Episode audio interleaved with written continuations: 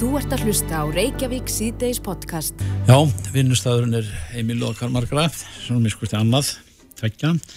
Eh, Herðum í morgun af eh, frásögn þeirra manneski sem að er í stýris eh, hvað nýjum liðin á eh, vísi.is.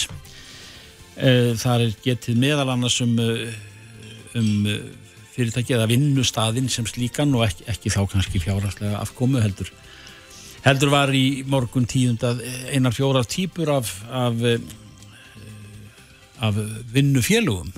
Já, svona erfiðum vinnufélögum. Já, erfiðum kannski svona stig, stigsmunur á þeim, þessum flokkum, en, en uh, við erum hér í sambandi við Eithor Eðvarsson, hann er master, master í, í vinnusálfræði og ráðgjafi hjá þekkingamilun um þessar típur á vinnustöðum sem að er sem eru, sem eru skilgreyndar réttilega eins og gert þar í morgun. Ertu sammála því Þór? Sæl? Já, blessaðir, blessaðir. Já, það má nota margar, margar flokka á þetta. Þetta, þetta er svona pínlítið gaman skett þess að búið þessu smá stereotýpur það er drega við þetta, maður er með þetta eitthvað típu frekar en aðgrindar atfællis einingar, það voru svona hundlega að tega við þetta. Já. en þetta eru svona, þetta eru svona típur sem fólk þekkir. Mm -hmm. og þetta er svona hegðun sem að geti verið svolítið erfið að takast á við og þarna það er rátt að nefndar fjóra típur það gæti verið miklu fleiri en þetta er svona algenga típur sem flesti kannast við og, Mhm. og það er ákveðt að hafa ykkur svona ykkur tæki til þess að eiga við á við aðferðir þetta getur auðvitað skemmt, skemmt fyrir fólki Já. Er þetta eh, almennt, ég, ég veit að það var ekki þannig en, en eh, þetta er ekki látið, er þetta ekki dag látið viðgangast þar að segja, eh, gera menn eitthvað í þessu innan, innan fyrirtækja sem eru svona vel með á nótunum að, að, að stilla af mannskapin Já, nú, það er nú oft tekið á þessu. Svona, þetta þetta er rætt smænislega við menn og oft fellur þetta á stjórnundur að setjast niður með fólki og fara hans yfir svona hegðuna, hvað er sem er að stuða hópin mm. þetta getur verið viðkanti í starfsmannahópum að ykkur hegði sér á þann hátt að fólk svona einhvern nótt vill ekki vinna með viðkomandi eða fyrst erfitt að vinna með viðkomandi eða Mhm. vilja helst ekki svona taka þátt í verkefni með ykkurum þá þarf að opna þetta og ræða þetta eins og fara yfir þetta Mm. Finnur þú stiksmuna því að þú, nú hefur þú uh, unnið all lengi við málefna þessu tægi í íslensku samfélagi, finnst þér það vera hafa, hafa breysti batnaðar með tíð og tíma?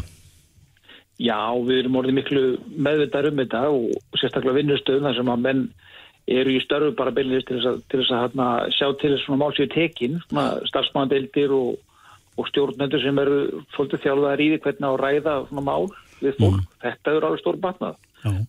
En hvort að við höfum eitthvað batnað sem, sem fólk, það er að nóg ennþá eru við fólki í. mætti taka, taka fleirum en Já. En Já, við, þetta hefur batnað. Menn eru konum með beitir tækju tól til eiga við þetta og, og það þykir, þykir ekkert tiltökum mál að vera aðeins rætt um fólk um samskipti og hvernig maður bæta. Menn eru með starfstæða til dæmis, það sem verður að fara yfir svona hegðun, hvernig er og margi vinnustar hafa búið til svona sams, samskipta sáttmála eða leðaljósi samskiptum. Það sem við svona tökum okkur saman um það, við ætlum ekki að baktala hvort annað, við ætlum að bjóða hvort öru góðan daginn og og ef við erum eitthvað vantala við hvort annað þá skulum við reyna að tala beint við komandi frekar að tala um hann Mm. þannig að margi vinnustar eru með slíka sáttmóla sem menn bara ákveða bara svona ætlum að hafa þetta svo reglulega taka með bara stöðun á því eru við að gera eins og við tölum að gera Nákvæmlega. En þetta, þetta, er, já, þetta hefur mikið að segja í, í, miskosti sumir hverjir unna kannski hag sínum ítla út, af- út af þessu ferðið eftir, eftir tegund atvinnu eða, eða st- starfsviði eh, hva, við hvað fyrirtækin við, eða Þetta við hvað er, við er unnið. Já. Þetta, þetta getur alls konar þarna, og, og margir eru bara svolítið sérstakir bara hérna frá, frá náttúrunum hendi og það er bara alltaf leið með það stundum er þetta erfitt. Stundum erum við hegðum sem, sem stuðar og það, það er ekki ásættanlegt. En þetta gerist hjá okkur öllum og svo er líka gott að við huga, það er ekki alltaf hínir sem er erfið sko, stundum er maður sjálfur það er suðmið sem er alltaf reykast á þetta erfiða lif alltaf alla daga lendir einhvern villisingum sko, en þeir horfa kannski sjaldan í einn barma þeir eru kannski alltaf að ergja sig öllu. Já, já, já. svo verða líka þannig með árun þá hérna ekst umbörlindi á flestum og maður fyrir að skilja hlutuna betur og, og átt að sjá þegar við erum flest með eingölluð og, og hérna og er ekki við bjargandi þannig að fyrir að fyrirgefa kannski þeirri öðrum og, Mhm. þannig að við, við lærum þetta smá saman við tíma fyrir umbera og þóla og og eigum að öldra með að leiðbina öðrum og benda fólk á og nýpa hans í fólk að Já. ég er þetta frekar svona hins einn. Þannig að það er kannski ekki að segja sér eitthvað engrein sko en það eru, eru vitringar eins og þeir þeir eru oft þarna oft svolítið klárir. Típur sem eru vita oft margt en vita ekki alveg hversu mikið þeir vita um hlutina og þeir, þeir eiga til að, að orða hlutina þannig að og þeir séu konu með þetta. Hjá sig svona alhæfingum og fullringum auðvita er svona þetta vita allir. Það er búið að rannsaka þetta hvaða, hvaða ruggl er í gangi. Og hjá sig eitthvað svona þannig að þetta verður erfitt að eiga við þetta og það er þarna, þeir, þeir eru ekki allstar þeir eru þarna, og þarf líka að vera pínluti klár til að vera vitringur. Þarna, en þarna, það eru þetta takmörk á því öllu saman eins og með flestu þetta Já, það er einar, eina típan af þessum fjórum sem nefndar voru á, á vinnustöðum. Já, það eru, eru vitringarnir sko, það eru líka til fjóra tegund, þrjár tegundra vitringum eins og í biblíinu sko, Nú já, það, eru alvitringarnir, það er liðið sem, sem allt veit sko, allar tölur og já, manuell símanúmer og hvað hver sagði og hvað var skrifa hvar og hvað blæsir sko, þeir eru ekkert vandamál, við erum bara fegin að skuli eitthvað svoleiðis vera til þess að flett upp í. já. Og svo eru smávitringarnir sem eru líka hérna pílinderfiðir, Já. þeir eru alltaf að leiðrit alla, þarna, alltaf þeir muna, nei, þetta var ekki svona, þarna, þetta, var ekki, þetta er ekki rétt hjá þér, og alltaf benda fólki á, sko, eru þeir ekki óþólandi? jú, segðu þeir, hérna, skemma alla sögur og, Já, og hérna, geta lagt matatíman er úr, sko, ef er að segja sögur, já, þannig að oft, oft, góð saga má ekki líða fyrir sannleikan, eins og sagt er, sko, meni. en ef það skiptir miklu mál, þá, hérna, þá, þarf þetta að vera rétt, en svo er þessi raunverulega veitringar, sko, það er þeir sem að tjá sér svona, þannig að aðrir svona draga sig út og, og hætta mótmála þeim og fara fylgja þeim. Já, já, Þeir eru erfiðir, sko. svona leittóða típur í leiðinni. Já, og, hérna, og, og fá, fá kringu sér, sko. En erfiðasta típan, það eru þessu svona leyniskittur, kafbátar. Já, þeir, Það- það er erfitt að finna þær og, og fást við þær. Já, það, þeir eru erfiðir, sko. Þeir eru hérna, það er þeir sem að baktala svolítið og, og eru svolítið undir, undir yfirborðinu, Mm. segja sögur og hérna, oft góðu viðlendur og svona, það er eitthvað við en þú veist ekki hvað þú hefur þá. Þeir skjóta í svona, skjóta í bakjaður.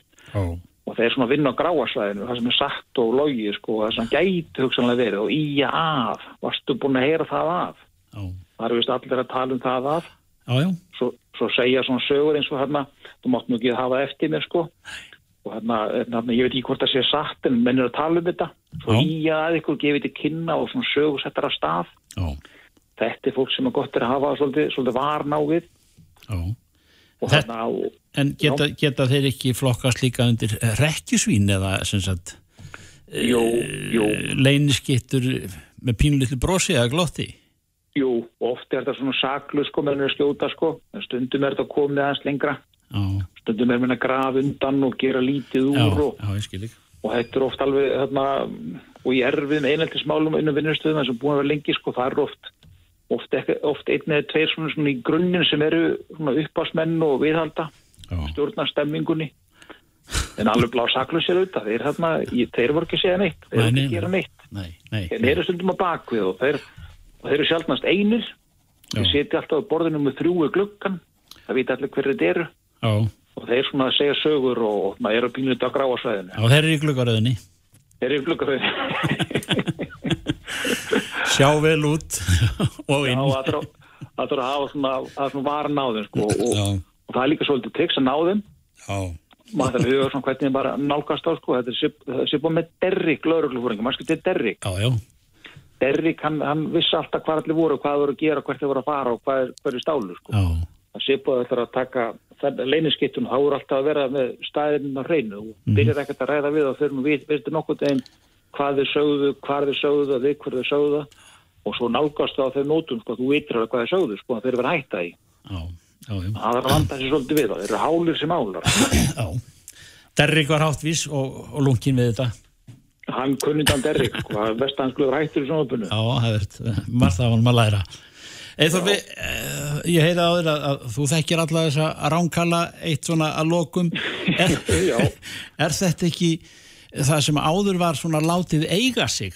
Eh, Það er á því tekið í dag. Er, er það ekki kannski svolítið, svolítið tíman að tákna? Þetta- Það, það, er, það er tekið á svona málum í dag Já. og hérna, stundu skiptir að málu bara að, að samskiptin sé bara virkilega góð og, hérna, og það er, er líka meira mat á þessu hérna, þó með sér erfið stundum það er allt í Já. lægi sko Já, en þeim eru oft erfiðir og við við marga þá þarf að taka á því Já, þannig að það, það, við erum betri í þessu dag að eiga við þetta og, og ta- tala um þetta og fleira sko.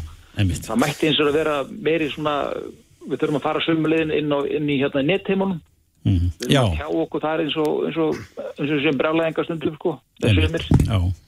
Já, það, það er efni annað viðtal þegar við förum inn á það netið. er efni annað viðtal. Með all, alla þessar típur. Eithór, kærar þakki fyrir þetta og við höfum örglegt að heyra meira af þessu. Takk takk. Allt í soma takk Þú ert að hlusta á Reykjavík síðdeis podcast. Reykjavík síðdeis á bylginu, við ætlum að tala eins um fastegnamarkaðin hér eftir skamastund en uh, uh, það segir hérna á vísi.is að það er búið ákveð að aflýsa alls 24 flugferðum Æsland er til og frá Evrópa morgun vegna slæmra viðspor Já. þannig að uh, sjaldan er einn bárna stök þetta kemur í hreinum núna og, og hérna þannig að flugfarþegar því það aðtugið það þeir sem að voru með áallara ferðir á morgun.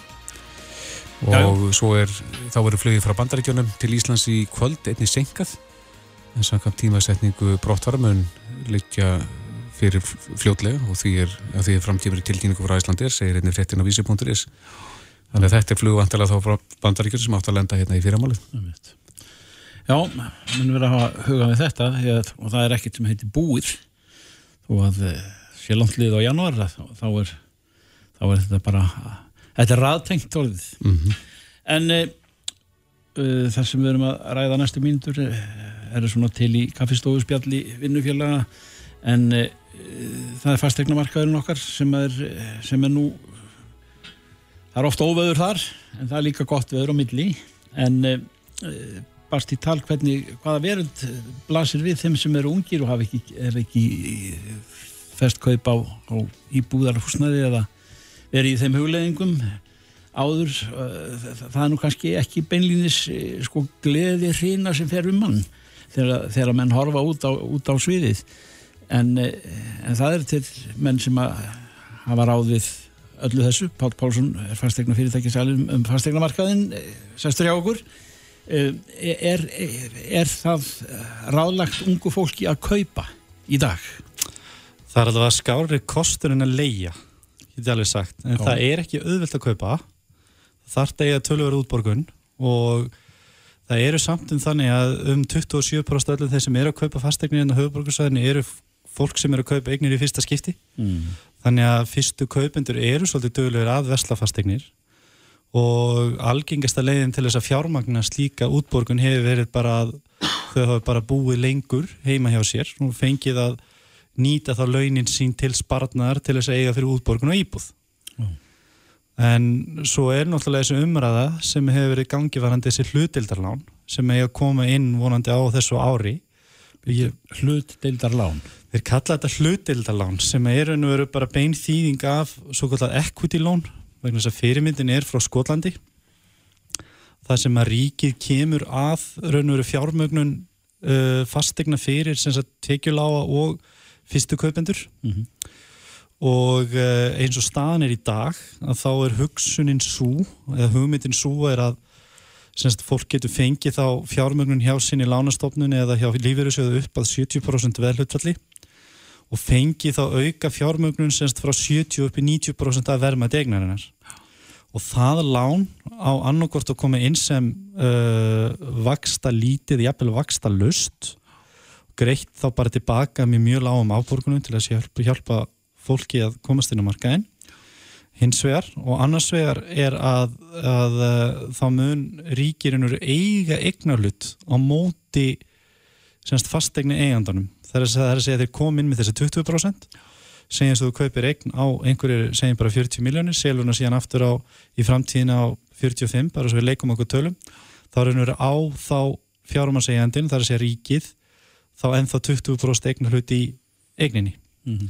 þannig að en það er ekki búið að útfæra þetta, full útfæra þetta og þetta var vist hluti af þessu lífskjara samning sem við gerðum í massi fyrra og það hefur verið mjög góður hópur og öflugur hópur að vera, finn, vera að vinna markvist í því að finna bestu lausnina inn á markaðin fyrir þessi lán Mhm.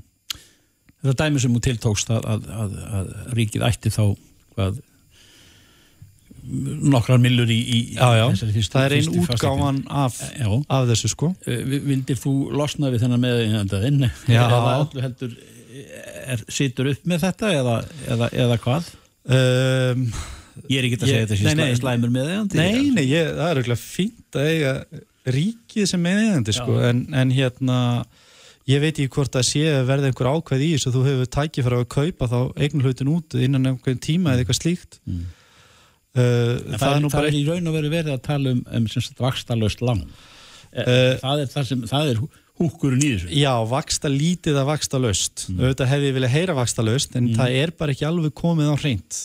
Nákvæmlega hvernig verður, mér skilst allavega þeim upplýsingu sem ég er með að þá eiga á að leggja inn þetta frumvarp einhvern tíma núna í februar þannig að maður vonast til þess að gerist núna í februar, mars, april, eitthvað svolítið þannig að maður sjáu svolítið heilda myndin á þessu borgar sér ekki að leia eh, borgar sér að kaupa eh, þessar vangaveltur alltaf upp á Mm. hverjum tíma þú Jú, jú. byrjar á því að segja það það er, það er hagstæðra að ef að möguleikir á að, að, Já. að kaupa fyrir sína fyrstu íbúð til þess að eiga eða dvelja í, Já, í foreldrahúsum til þess að eiga fyrir þá upp í aðborgun já, já, eða upp í útborgun segi akkurat það eru langt flestir þeir sem eru að leigumarkaði vilja komast í sitt eigið húsnæði Mm. og mögulega fjárhagslega þá máli fara rauk fyrir því að það sé gott að vera leiguhúsnæði en leigumarkaðin hefur ekki verið það þroskaður allavega undanfærin 5-10 ár þó að hafi komið inn leigufélög sem er engungum með þau markmiði að leigu út eignir en þá fylgir þessu vist ofuriki og fylgir ákveðin svona frelsis rýrnun í því að hvað maður getur leift sér að gera vegnina varandi, varandi framkvæmdir eða, eða eitthvað slíkt með íbúðina Já. hefur ekkert slegið á það í þáu þeirra sem að vilja eignast eða en eru þurfa að vera í þessu Nei, já, já sko uh, uh, í raun og veru ekki það Nei. eru aðmig minnir uh, um 18% af þeim sem eru á fasteinumarka er að leia fasteign svo tala hefur farið örlíti niður en ekkert, ekkert mjög mikil Nei. þannig að það er og, og það er lang flestir það sangant bara konunu sem til þess meðal annars íbálan og sjöðu liti gera Mhm. að það er lang flestir sem vilja komast inn í sitt eigið húsnæði og það sem eh, við vorum að tala um hér að, að, að framan að, að eh, þetta sem þú hefur verið að vinna við Já, eh, þessi vaksta, og- já, og vaksta laus og vaksta lítil Já, lán, já. það eru það Já, sem já. að menn sperra eru þeirrið heyra. Já, að það er samkvæmt því að þar er viljin mestur að komast inn á, á, á, til að kaupa sér. Já, sko, það, það, þau lán verða eyrnamert þeim sem eru með lága tekjur. Já. Eða þá fyrstu kaupendur. En það verður líka eitthvað styrt hverjir fá þessi lán vegna þess að þetta verður ekki bara þetta er ekki allra að taka. Og uh, vegna þess að það er, hefur verið óttu um það að ef að þessi lán koma inn að miklum kraftin á markaðin þá getur þetta haft þau áhrif að, að þessar 30-40 miljónum krónu íbúðir það er hreinlega bara stökkbreytast í verðum og hækka alveg gríðilega í verðum og það er líka eitthvað sem við viljum mögulega ekki, við viljum að hækkarnar komið svona hægt og rólega yfir lengri tíma í staðin fyrir svona mikil stökk eins og gerist til dæmi árið 2007 og 2004 og núna kannski 2015-2016 þannig að hérna þannig að það getur haft áhrif á að fasteinamarkan hækja alveg gríðilega verð aftur sem ég veit ekki hvort að fólk sé bara almennt til í. Já, þannig að, að því að hann er nú frekar, frekar hár sko. Fyrir, það er dýrt að kaupa fasteinu í Íslandi. Já. En það er líka dýrt að leiða. það er líka mjög dýrt að leiga og þetta leigusæli horfur náttúrulega á það að hann náttúrulega verður geta staðið undir rekstri eignarinnar og af fjármáskostnaði og af rekstri og, og náttúrulega eiga svona smá afgang sko. þannig að það er ekki ódýrt að vera leigumarkað heldur En þessi vaksta litlu eða lausu lán, koma þau til sögunar á þessu Já, herrans árið 20, það, 2020? það er allavega það er allt sem bendir til þess að það munu koma á þessu ári þannig að vonandi bara Já, Mm. Páll Pálsson, færstaklega kæra Já, þakkir. takk kjærlega fyrir mig Reykjavík síðdeis á bylginni. Jæja, Reykjavík þess að bylginu klukkan 7 mínútur fyrir 8 mínútur gengin í 6 og um, við ætlum aðeins að huga það einni frétt sem við heyrðum í morgun þar sem að uh, aðal leikararnir í þessari fléttu er engin einhverju augvísar. Nei. Það er sáti arabískur prins og einn auðvasti maður veraldar, Jeff Bezos sem að á Amazon, Og spyrtir við nýjirðið spilli forrið. já, spilli fórið. Stert orð. sem átt að hafa verið komið fyrir í síman. Men við fáum kannski til þess að lýsa þessari atbyrðars fyrir okkur uh, Valdimar Óskarsson, frangotastjóra Sindis, upplýsingu öryggisfyrirtækis. Velkomin. Mm -hmm. Takk fyrir. Eh, segð okkur aðeins hvað, hvað hérna, út af hvað gengur þessi fletta? Já, það er svolítið erfitt að segja til um það, sko. Þetta virðist vera svolítið pólitík og, og við vitum að Bezos, hann hefur svolítið að gera með Washington Post og þeir skrifa ekkit vola vel um Trump mm -hmm. og Og það sem við verðist hafa gerst þarna að, að uh, þessi sáti-arabíski prins hefur sendt, eða einhver í hans nafni allavega, sendt vídeo sem hefur inn í falið svona spilli forrið eða einhverju óværu mm -hmm. sem gerur það verkum að tæki viðkomandi í þessu tilfelli Pesos er yfirtekinn þannig að menn hafa aðganga öllum gögnum þar, þar á meðal myndum og vídeo til þess að reyna að klekja á viðkomandi sem greinlega hefur tekist þetta endur náttúrulega með hjónaskilnaði hjá honum mm -hmm. Nú, Þarna voru til dæmis myndir sem að nekta myndir, er það ekki, sem hann hefði sendt á hjákonu sína? Jú, og þar er leiðandi eru þar gerðar ofinbyrjar og þá leiti það til hjónaskilnaðar. Nú, það hefur verið að gera svolítið blórabökul úr WhatsApp því að myndbandi verist að verið sendt á þann hátt. Og um leið og við komum til að hefur opna myndbandi þá hefur hann fengið þessa viðbót sem er þessi, þetta spillifóritt mm -hmm. En er þetta svona einfalt að, að spillifórið í myndböndum? Nei, ég myndi segja að það væri freka flókið mm. og líka með spillifórið að sjá spillifórið ef að þessi atbúrar á sig rétt eins og hefur komið fram að ná að koma spillifóriði fyrir á þennan hátt er mjög erfitt. Við höfum séð spillifóriðin á símum í fleirin 1 og 2 og 3 skipti en þá þarf viðkomandi að vera með síman í höndunum til að geta komið fóriðinu fyrir. Það að fela það inn í einhverju vídeói, það er mjög advanced sko. Það segir þá okkur að þarna hefur eh, einhver ríkistjórn verið að bæti þar að getur bara vennilegur hakkari eh, framkvæmt svona. Já, ef við skoðum þetta spillifórið sem að hér er átt við sem að vera að tala um fórið sem heitir Pegasus mm -hmm. frá fyrirtæki sem er eða samstöpu sem heitir NSO Group sem er Ísraels fyrirtæki sem gefur svo út að búa til hjálpartæki fyrir ríkistjórnur og annað til þess að til að fletta ofan af glæpasamtökum eins og eitulefja barónum og, og, og barnanýðungum þá virðið sem svo að þetta, þetta sé fórhætti sem hefur verið notað. Þeir ber af sér alla sög og eru tilbúinir til að hjálpa til við, við rannsókn. En það er engir aukvísar sem ná að gera þetta þennan hátt ef að þetta er leiðin. Pluss það að eitt er að koma spillifórhættinu fyrir inn í vídjónu hitt er að, að búa svo um að það við þann, þau áhrif á tæki sem tekur við því að það sé opið fyrir, fyrir viðkomandi aðila. Mm -hmm. þannig að þetta er, þetta er mjög flókið dæmi og bendir á að þetta sé mjög svona einbyttu brotavili gagvart þessum aðila á af hverju það er menn vera koma með alls konar samsæriskenningar í sambandi við það en Geta það verið Ísraelsmenn? Getur það verið Trump?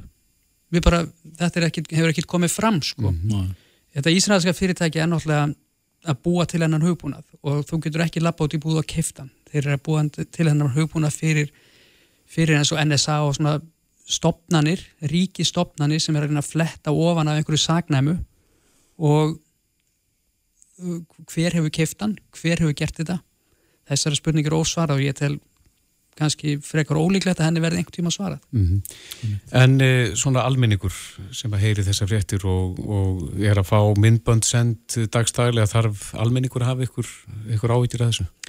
Nei, ég held að þessi leið sé mjög langsótt en auðvitað á fólk að passa sig af hverju ætti einhverju arabísku prins að vera að senda einhverju vídeo og þannig aðlega kannski þekkjast þér og, og mm -hmm. þetta mhm. hefur bara verið vinalegt vídeo en ég held að svona menn þurfa að vera ákveði fórnalamb og ákveði mikið í sviðsljósinu til þess að menn fara að leita í einhvern kostnad til að framkama þetta Eru allir símar, já, berskjaldæði fyrir þessu eða er einhver einn símategund örugar en önnur? Erfitt að segja, það hefur alltaf verið sagt að Android stýrikerfi sé kannski opnara heldur en iOS frá Apple mm -hmm. en við höfum séð spillifórið fyrir báðagerðir báðagerðir síma, þannig að það er ekkit eitt sem er örugar en annað og ef að menn ætla sér að gera þessa hluti þá gera það Hvernig getur maður komið staði hvort að maður sé með eitthvað svona óværu í síman? Er þetta að renna eitthvað fórið til gegn eða til þess að kanna það? Það er hægt að, að setja upp fórið á síman sem, sem að kannar svona nýlega uppsett fórið en oft eru þau þannig og það, það sem við höfum séð allavega, þau eru falin mm -hmm. þannig að maður þarf að hafa svolítið mikið hugmyndaflug og nafngjöfun endilega heitir ekki spæ eitthvað, það getur heitið eitthvað sem er bara mjög eðlilegt þannig að, þannig að við, þetta felur sig og mm. það er ekkit grín sko. Nei, hvað á fólk að gera svona til þess að reyna að minka líkunar því að, að uh, símanu sé spilt? Allavega fyrir hinn almenna nótenda það er náttúrulega að verja síman sem með annarkort fingrafarið eða einhverju talnarunu og láta síman aldrei frá sér mm -hmm. ekki hafa hann opinn og gleima hann með eitthvað því að það tekur, það tekur ekki langan tíma að koma fyrir einhverju, einhverju óvaru En nú eru þið hjá Sindist, þið eruð upplýsing á öryggisfyrirtæki og eruð að veita ráðgjöð þegar það kemur að öryggismálum. Er, er mikið um það að, að uh, það sé verið að koma svona forritu fyrir eða verið að njóstna um fyrirtæki eins og yðnaða njóstnir og annað slíkt? Það kemur alveg fyrir, já. Hér á Íslandi? Já, já, það kemur alveg fyrir, bæði einstaklingar og, og, og fyrirtæki. Þannig að þá er, eru íslenskir aðeinar að þá njóstna um íslenska aðeila? Nei, ekki endilega. Þetta er oftast, oftast eru er tilgangurinn fjárhaslegur. Þannig að kannski er þetta ekki bara innanjóstnir heldur, bara ná tökum á, á netkerfum, ná tökum á upplýsingum, því að við vitum það að í dag eru upplýsingar eru virði fyrirtækjana. Mm -hmm. Þannig að menn tala alltaf um næstu, næsta stríð sem eitthvað kjarnarkustríð en það er miklu líklega að vera eitthvað cyber, eitthvað eitthvað í upplýsingaöryggi eða, eða í upplýsingum yfirleitt. Og það er verið að, að uh, svíkja fjóður fyrirtækjum? Já, það er... Komast yfir þessar upplýsingar? Svíkja fjóður fyrirtækjum með því að það sem er svona yfirmanna svik, mm -hmm. tölvupóstsvik og líka það, það sem hefur verið á uppleið undarfari, það fór, fór á ákveðna svona niðurseflu en er á uppleið aftur, það er gíslataka mm -hmm. að starfsmið fyrirtækja þeir klikka á einhvern link og sækja sér smá óvaru og, og gögnin eru dulkóðuð og til þess að fá gögnin aftur þá þarf að, að borga eða bara setja sér við það ef mann eigi ekki afrið. Hafa mann ekki náðað að komast í kringum það? Eða... Nei, ekki einstaklega tilfellum, jú, en ef, ef að fyrirtæki eru virkileg fórnarlega, svo við sjáum Norsk Hydro til dæmis, það var ekkert að gera í stöðunni á þeim en að borga eða bara taka það tjón sem að namn hvað 18% af ársveldu hann Úf. og við erum að tala miklar upphæðir Í hverju fólst það? Nei, fyrir ekki, það var 2% ársvöldu hjá á, þeim Í hverju fólst það tjón? Tjónu var að þeir voru, þeir gátt ekki rekið sitt fyrirtæki en það eru ekki aðgang á gögnunum þau voru allt dullkóðuð og þau átt og afritin líka Já, Hvað gera með því svona? Hvað, hvað gerir Norsk Hydro þegar þeir eru búinir að borga Þeir, borg, þeir, á, þeir ákveða að borga ekki Ákveða að borga ekki Það tóku tjónið já, já. og mátu það sem 2% þeirra ásveldu sem eru gríðalar upp að það eru miljardar í okkar okkar reikningum. Myndið þú ráleikja það að, að borga ekki? Alltaf myndið ráleikja það. Að borga ekki afturri? Það er erður með að segja að menn verða vega að meta það mm -hmm. sjálfur vegna þess að hvers virði eru gögnin, hvað getur þú lengi verið án gagnana og ert að byggja upp þinn eh, business aftur. Mm -hmm. uh, við myndum aldrei mæla með að styrkja þessi svo kvöldu glæpa samtök með einhverjum öðrum. En við höfum sér fyrirtæki að gera það, það var þeirra eina leið. Þeir sögðu ef við gerum það ekki þá verðum við ekkert fyrirtæki aftur sko. mm -hmm. En varðandi uppafsmálunum þarna með þetta spilli fórið til síma uh, þú telur almenningur hafi ekkert óttast þegar það kemur að svona Ef almenningur hefur ekkert að fela og er ekkert mikið í sviðsljósinu og á gríðarlega mikið af peningum sem einhver ná í nei, þá held ég að menn ættu að vera alveg að sofa rótt sko. Dóna myndur og viðhald Já, akkurat. Já, akkurat. Þeir eru að vita því eða því áður en einhver annar kemst í það. Já. Valdimar Óskarsson, frangotastjóri Sindis, eh, kæra þætti fyrir komina. Takk. Takk fyrir mig. Frettir og fróðleikur, Reykjavík síðdeis á Bilgjunni. En e, næsti viðmælandi sem við ætlum að tala við, við erum að ná honum á hljómsveitaræfingu. Já. E, Jón Karl Ólafsson, fyrirhandi fórstjóri, sæl. Sælir. Sælir, góðan daginn. Þú kvílir hugan á hljómsveitaræfingu, er það ekki? Það er hverki betra að kvila höfun heldur en á hljómsdæðinu. Hvað lag, lag er það, Eva? Já, við, við vorum í, sko, miðri kessla Mustang Sally þegar þið nýttu. Það hefur sko alveg frábært ræðsli, en svona er þetta bara við tökum bara aftur. Já, fáum við kannski tóndæmi á eftir? Ég veit ekki hvort ég geti samið það við félagana. Já, já, við sjáum til. Við erum eins og sömbaklúpi hjá okkur, við erum bara að hafa gaman að þessu. Já, já, þetta er gott hobby. Er, það er, er flugbransin, Jókall, sem að þú þekkir hansi vel. Hvað hérna nýjustu fréttir eh, eru þær að, að það verður töf á maksinum, að hann fá að fara í loftið eftir? Það kemur kannski ekki ávart, þetta er alltaf búið að vera svona saga sem hefur svolítið, hvað er loða vinnur í langa tíma, það er alltaf verið að fresta og fresta því miður, þannig að þetta er því miður framhald af því, það er bara þannig. Fer ekki trúin á þessari, á þessu varartæki dvínandi? Boeing Max? Ég get sagt ykkur það að þegar þessi vilti að fljúa þá held ég að það verði örugast að fljúa í heimi. Ég er nú færið að trúar. Já, menn segja það. Það er nú bara þannig að það er sko það er bara, þetta eru bara tæki eins og hvert hann ekki og, og þarna kom upp vandamál sem að því að menn eru að fara voni hvert einasta smáadrið þannig að ég gerir bara ráð fyrir því að þegar þetta verður komið í laga þá verður nú allir hægt að finna flugtæki, minnst og kosti meðum allt og allt Já, sem eru búið að fara í gegnum annaðis nálar auga Ég segi það, það er búið að fara auðvitað allt sem að þetta er vel vikimur þannig að ég hef mikla trú á þessu og ég, þetta búin er, eru fljóbra flugvalar og þetta er náttúrulega hörmulegt sem að kemur fyrir en eru þetta sem að leiða þessu ég þessu þetta. En, en hvernig líst þér á, á flugmarkaðin svona í heilsinni? Það er náttúrulega, það er beðið eftir að VÁ er farið í loftið, Play er nú, þeim hefur ekki tekist að fjármagna sig þannig að það er nú eitthvað, eitthvað spurningamerti þar. Sko það sem hefur tröflað mig mest í þessu samtalið öllu um þessi nýju flugfjölu sem að eins og ég segi hefur alltaf sett bara gangið eins og vel best að komast í loftið. En það er rosa erfitt þegar við erum að gera þetta fyrst og næst bara í yfirleysingum í fjölmunum að þeir ætla að fara að byrja eftir vik og tvær. Því þetta er náttúrulega ekki alveg eins og opna kjörbú sko, þú vil nú er verið að selja sumarið og það er engin farþegi held ég að býða eftir þessu nýju flugfjölugum þannig að ég held að með þessi einfallega að missa bara svolítið á lestinni núna á þau að geta verið bara með alvöru rekstur í á þessu ári. Nema við komum bara mjög hrægt fram með sölu leiðir og, og, og, og vefsíðu sem að geta verið að selja eitthvað, eitthvað sæti því að þetta er óskup erfitt að átt að sá hver staðan raunveru leir með en þetta snýst bara um að lýsa því við erum að fara rauðu næstu við mm. og gera þetta ekki neitt sko. En hva, hvað er að frétta af þessum tveimur síðar nefnd, síðast nefndu flugfélugum sem er á leiðin í lofti Vá og og play altså sko, er þetta bara búið spil? Ég ætla nú ekki að gera stómar um það sko en, og, og það, þetta tekur bara langan tíma og, og bara ídrega að meðan menn er ekki bara tilbúinu með flugvelar, flugáallanir og sölu að þá er mjög erfitt að vera að tjása mikið um hvað í raunverulega verður þarna á ferðinni, ferðinni sko. Þannig að þetta hefur bara tekið allt og allt á langa tíma og menna, ég hefði haldið bara svona út frá reynslu að ef að menn er ekki fattur að selja e, flugsæti fyrir komandi sumar eitthvað til menni tímil oktober, nógundar árið undan þá eru menn konið í vandræði mm -hmm.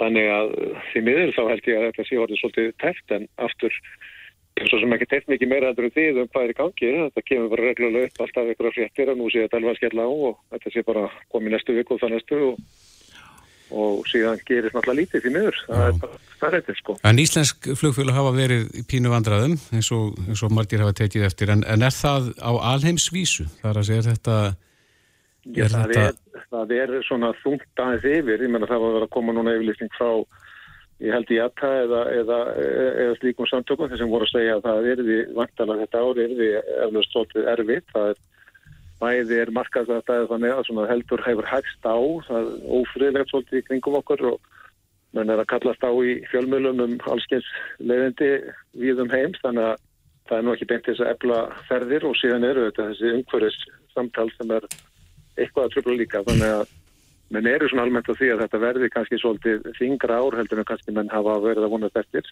en mm. það er svolítið erfitt að segja til það ég hef alltaf að trúa því ferðarþjónustan er áfram mikilvæg og vaksandi þannig að ég held að þessi það frekar eitthvað smá svona hraðahindrun og leiðinni mm.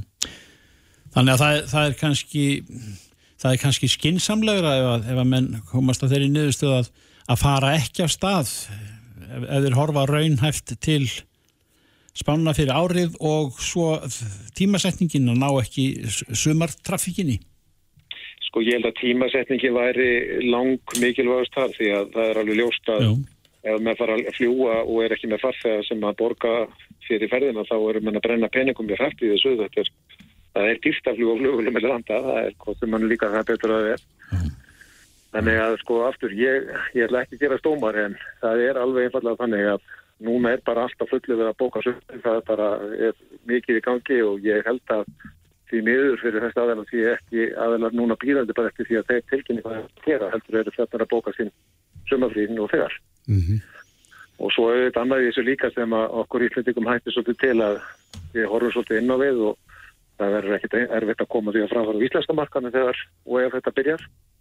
En þetta er þetta líka snúast um það hvernig þessi maður tekst til á ellendum markaðum að selja ferði þá til og frá Íslandi og þá hugsalega yfir eða vægi eins og það kallaði, þetta er gegnum kjarnavík og það er auðvitað Er það líkillinn? það er allir líkill því að við glemum því oft að við erum stundum ég segist um eina vandamál Ísland það vantar eitt null í okkur sko. Ef við varum 3,5 miljón þá er það er stærri markaður hérna til það vinnur við erum nú ekki beint fjölmennustu þjóði henni Hver er, hver er fjöldi flugfélaga sem að hinga flýgur reglulega? Það er nefnilega þannig að þetta er búið að vaksa gríðilega hrætt og, og miklu hraðar heldur um ekki spáðu á sínu tíma. Ég held að yfir sömari séu konu 26-7 aðala sem að hafa tilkynnt komið sinna til landsins og yfir eru þetta á bylnu 10-12 flugfjöla sem fljúa með reglubundum hætti til á frá landinu. Já. Þannig að uh, það er auðvitað það sem hefur líka breyst frá því til þess bara sem þegar vákom upp og þá var snakinu til að frá landinu minni heldur hún er nú þegar í dag. Þannig að þetta verður, þetta verður meiri bara að komast inn á marka þessi nýja aðeila. Það er ekki einn spurningu það. Já, mitt. Það eru félaga þínir í bandinu eru fannar að vera kaldir hérna? Já. Hleypaður aftur í Mustang Sally. Mustang Sally býður. Það er lítið á hvernig þetta er. Það er er gott til þess að hugsa að það sé eftir núna eftir þetta. Já, akkurat. og gott líka, ég þurfi ekki að segja eitthvað um handbóta, ég ætla ekki að fara að kemja um það. Já, Æ, við geymum það það til síðar. Er, er þið með, með fleiri lögur með Stangsalli? Já, já, þetta er alveg bandna, þetta er alveg menn, sko. Já, já. Það er bara, gamli katalógin er allir til staða, sko. Já, já, já, bara sapnað inn á hann. Herðu, þú kemur eitthvað við þetta meðan til okkar og þið takkir lægið. Nefn ykkur að heyra og þú verður með, ég er á nikkunni. Jón Karl Ólásson, kæra þakki fyrir þetta. Takk fyrir þetta, Jón. Bless, bless. Send okkur tölvupóst. Reykjavík at bilgjan.is Jæja, Reykjavík sýtis á bilginni heldur áfram. Við rákumst á hansi merkilega frétt um neyðustöður ansóknar og hnutum um fyrirsögnina þar sem að segir að það að drekka fytur litla mjólk. Það getur hægt á öldrun. Eða við skiljum í það minnst á þessa fréttannig og þeir tala um það að munurinn bara á, á að drekka sko 2% í staði fyrir 1% fytu hérna í mjólk að þá sé munur þarna 4,5 ár. Það er þess að þeirra kemur öldrun. En fytur ríkar í mjólkin í hag eða? Nei Jóhag? Já, jóhag Skiljið við, en já, já. leitum til sérfræðingsins Jóhanna Torfadóttir, næringar og líðhelsufræðingur hjá Krabaminsfélaginu, sæl. Sæl. Já, sælir. Þú ert búin að kíkja þess á uh, þessa frétt fyrir okkur, hvað, út af hvað gengur þetta? Já, þetta er ég raun og verið að nota einna gögn frá hérna nöðsins helstadi, þar sem þeir eru með svona tæpla 6.000 einstaklinga og eru að skoða einmitt hvort að lengdin, telumar lengdin hérna sem mismunandi eftir hvað hva mikið þú drekkur á mjölk og, og hvers feit hún er. Hvaða lengd er þetta, segir þú? Uh, ég er svo sem vil taka alveg fullkóla fram hérna, ég er ekki mikil sérfræðingur á þessum enda þó ég þekki vel til næringarinnar en mm -hmm. mér skilsta að þessi lengd skipti máli, því lengri sem þetta er því betra upp á vernda erðefni okkar. Já. En, en, það, en er niðurstaðan svo að já, en er niðurstaðan svo þarna samkvæmt þessum rannsóknum að það að drekka fytur ríkar í mjölk, það eldir okkur raðar? Já, það verðast vera stittir þessir endar hjá fólki sem drekkur hérna, fullfeita mjölk eða nýmjölk eins og við myndum kalla. Mm -hmm. Af hverju er mjölk þarna viðmiðunin eh, sem er drekkan og bara ekki mjölk? Já, einmitt og þeir eru líka að bera sama við einmitt af sem ekki drekka mjölk. Mm og það verið svo sem ekkert vera rosalega mikið munar af þeim sem er að drekka kannski einu snu viku mjölk eða þeim sem drekka daglega þannig að það er ekki endilega verið að segja að þú þurfa að drekka mikið af mjölk Nei. en að það getur skipt máli en það er upprækning þannig að hafa notað til þessi svo létt mjölk að undar en verið skarpóstur en, en þessu tiliði og það aðeins að detta út aðeins að vestna sambandið Ok. Já, þetta er aðeins betra. En, en þú hefur, er það ekki þinni, þínu starfið skoðað mjölkururundar svolítið? Jú, við hefum skoðað aðeins mjölkururur með tilliti til krabbamins ávipu mm -hmm. og svona sérstaklega þá hvort að mjölkunesla, mikið mjölkunesla skiptir máli á unglingsárum og líka á miðjumaldri og öfra árum. Já, hver eru niðurstöðna þar? Um, það er náttúrulega ekki margar rannsóknir sem hafa skoðað þegar maður er að drekka mjölk á unglingsárum vísendamönnum nægir þá ég held ekki æfinn til þess að fylgja þeim þáttakandum eftir Nei. en við getum nota gögg frá hjartavind þar sem við sjáum að, að unglingspiltar sem voru að drekka mjög mikið af, og við vitum að það var feit mjölk að þeir voru í aukinni hættu að fá krabba megin í blöðráskirtil eða langt ekki megin Já, já.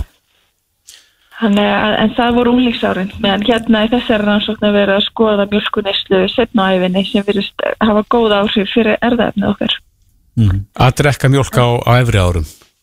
Já, en þú þarft ekki að drekka greinlega mikið, þetta er alveg nóg jáfnvel einu sinni viku. Og að hérna, en bara ef þú ert að drekka mjölk að hafa hana þá í léttari kattinum Já. Sem að passar alveg við ráleikingar sem eru gefnar, ofinbæri ráleikingar og mataræði. Það er alltaf mælt með því að við förum í fytum minni mjölkuvörur. En mjólk sem er uh, gerisneitt eða ekki? Er, er, Já, Svoleiðis faktorar, eh, hafa þeir eitthvað, koma þeir eitthvað inn í þessa mynd? Nei, þeir gera raun og vera ekki og þeir Nei. taka reynda fram í þessari grein að það var ekki verið að skoða hvernig hún væri gerilsneitt eða ekki. Þannig að þeir hafi og vera ekki upplýsingar um það. Nei. En maður getur sér til að þetta mjölk sem er notuð í þessari rannsókn eða sem, sem þáttakandi segja frá sé meir og minna gerilsneitt. Já, já, mm -hmm. En Jóhanna, þú ert að fara að halda það ekki fyrirlestur í kvöld á læknadögum Það passar. opið málþing fyrir almenning Já. um hvað ætlið það að fjalla Það er talað um mjölk, mjölkuneslu og neslu á dýraafurðum og hvað er gott fyrir hilsun okkar, hvað við getum gert til þess að draga úr ótíma bærum döðsvöldum. Já, já, og hvað, hvað ætlað þú að leggja áherslu á þar í þína máli? Sko ég í samstarfi Tór Aspelund, prófessor í líftölfræði, við ætlum að segja frá skýslu sem kom út fyrir ári síðan sem að um 40 vísindamenn stóðu að sem að hafa verið að reikna út hvaða matar er best fyrir heilsun okkar en er líka gott fyrir jörðin okkar og dregur úr losun gróðurúsloftegunda. Mm Eitthvað sem kemur á óvart þar? Um, nei, þetta er rosalega mikið samræmi við þessar áleggingar sem eru gefna nú þegar um mataræði en það er gengið skrefinu lengri að minka dýraafurðis og það er sérstaklega nýslu og rauðu kjöti. Já, já. Og þú verður í, og þið í, í hörpu með að tala um Já. þetta? Og byrja hvað klukkan átta? Byrjum klokkan átta, þá er reyndar kannski í gangi landsleikur í Íslands-Víðjóð Já, en, en komið svo að fara að síga og setja hlutan. mm akkurat. Já, þetta er spennandi. Eh, Jóhanna Torfadóttir, næringa og líðhelsufræðingur hjá Krabbameðsviðlæginu Kæra þakki fyrir þetta. Takk, takk. Já, takk sem að leiðis.